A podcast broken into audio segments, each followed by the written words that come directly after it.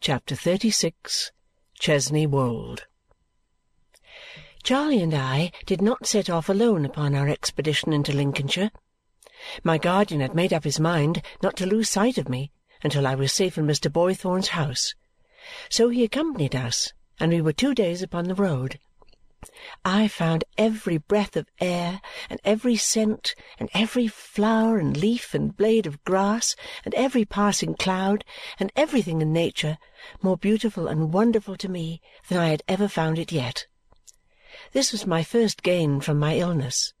How little I had lost when the wide world was so full of delight for me! My guardian intending to go back immediately, we appointed, on our way down, a day when my dear girl should come. I wrote her a letter of which he took charge, and he left us within half an hour of our arrival at our destination, on a delightful evening in the early summer time.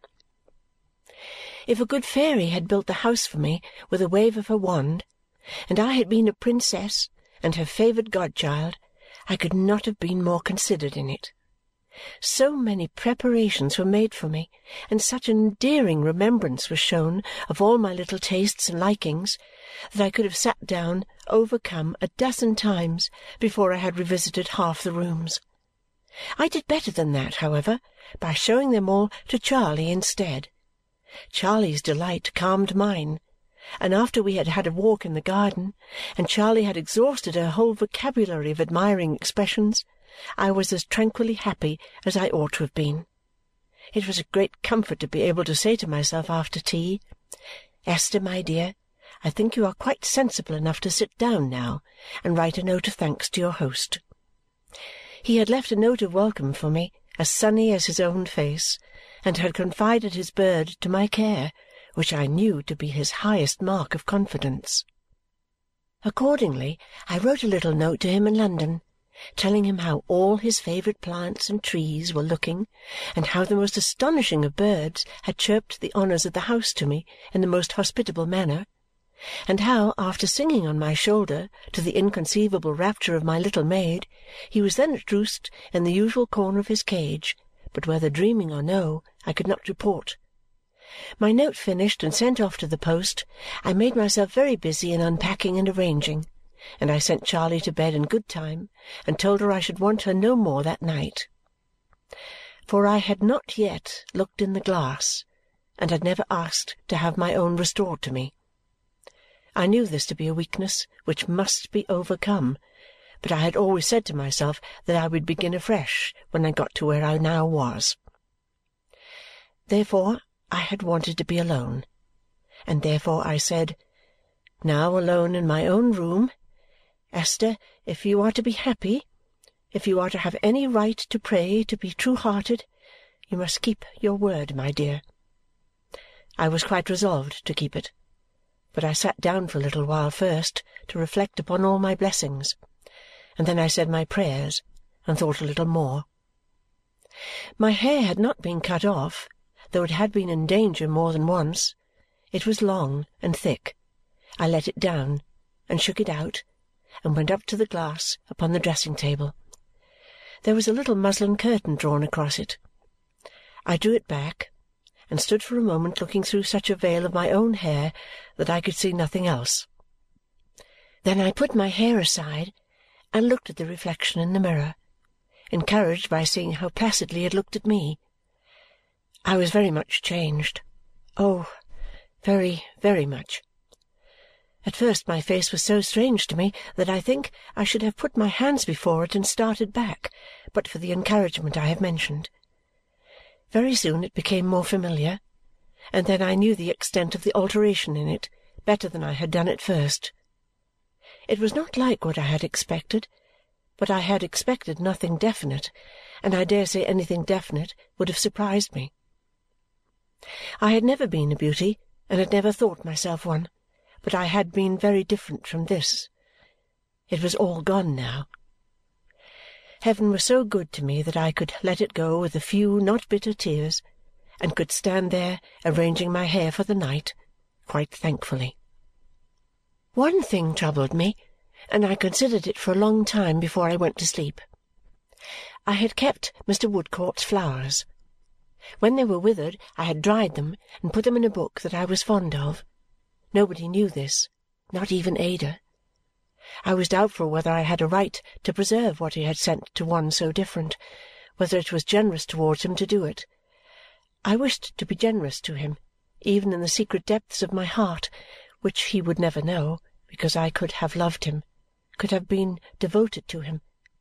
At last I came to the conclusion that I might keep them, if I treasured them, only as a remembrance of what was irrevocably past and gone, never to be looked back on any more in any other light. I hope this may not seem trivial. I was very much in earnest. I took care to be up early in the morning and to be before the glass when Charley came in on tiptoe. "Dear, dear miss!" cried Charley, starting. "Is that you?"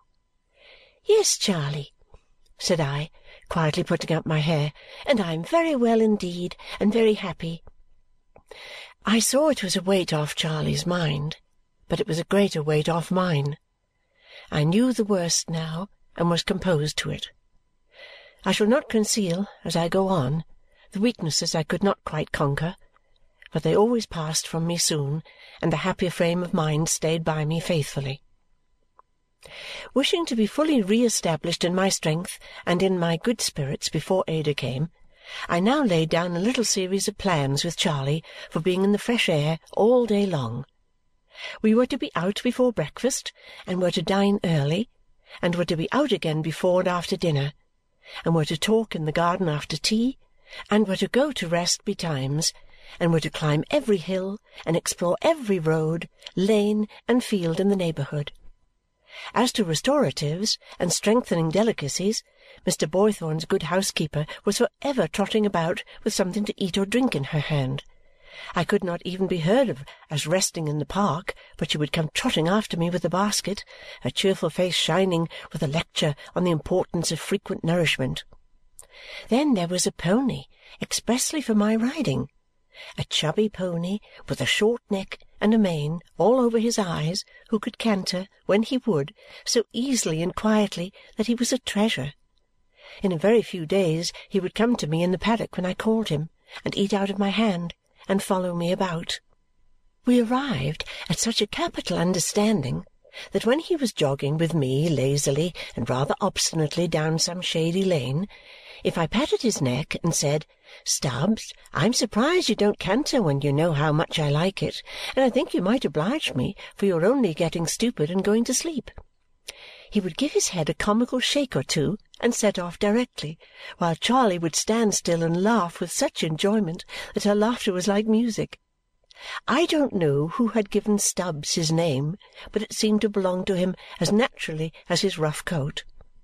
Once we put him in a little chaise and drove him triumphantly through the green lanes for five miles, but all at once, as we were extolling him to the skies, he seemed to take it ill that he should have been accompanied so far by the circle of tantalizing little gnats that had been hovering round and round his ears the whole way without appearing to advance an inch and stopped to think about it. I suppose he came to the decision that it was not to be borne, for he steadily refused to move until I gave the reins to Charley and got out and walked, when he followed me with a sturdy sort of good humour, putting his head under my arm and rubbing his ear against my sleeve. It was in vain for me to say, "Now, Stubbs, I feel quite sure from what I know of you that you will go on if I ride a little while," for the moment I left him he stood stock still again. Consequently I was obliged to lead the way as before and in this order we returned home to the great delight of the village. Charley and I had reason to call it the most friendly of villages, I am sure, for in a week's time the people were so glad to see us go by, though ever so frequently in the course of a day, that there were faces of greeting in every cottage.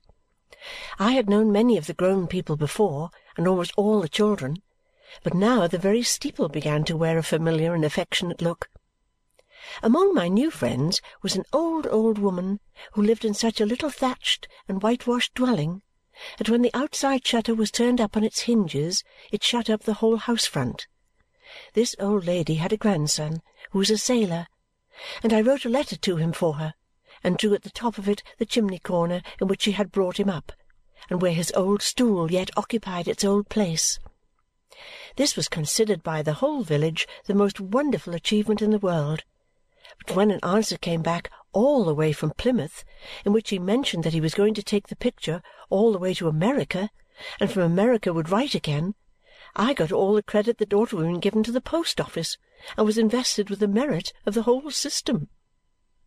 Thus, what with being so much in the air, playing with so many children, gossiping with so many people, sitting on invitation in so many cottages, going on with Charley's education, and writing long letters to Ada every day, I had scarcely any time to think about that little loss of mine and was almost always cheerful.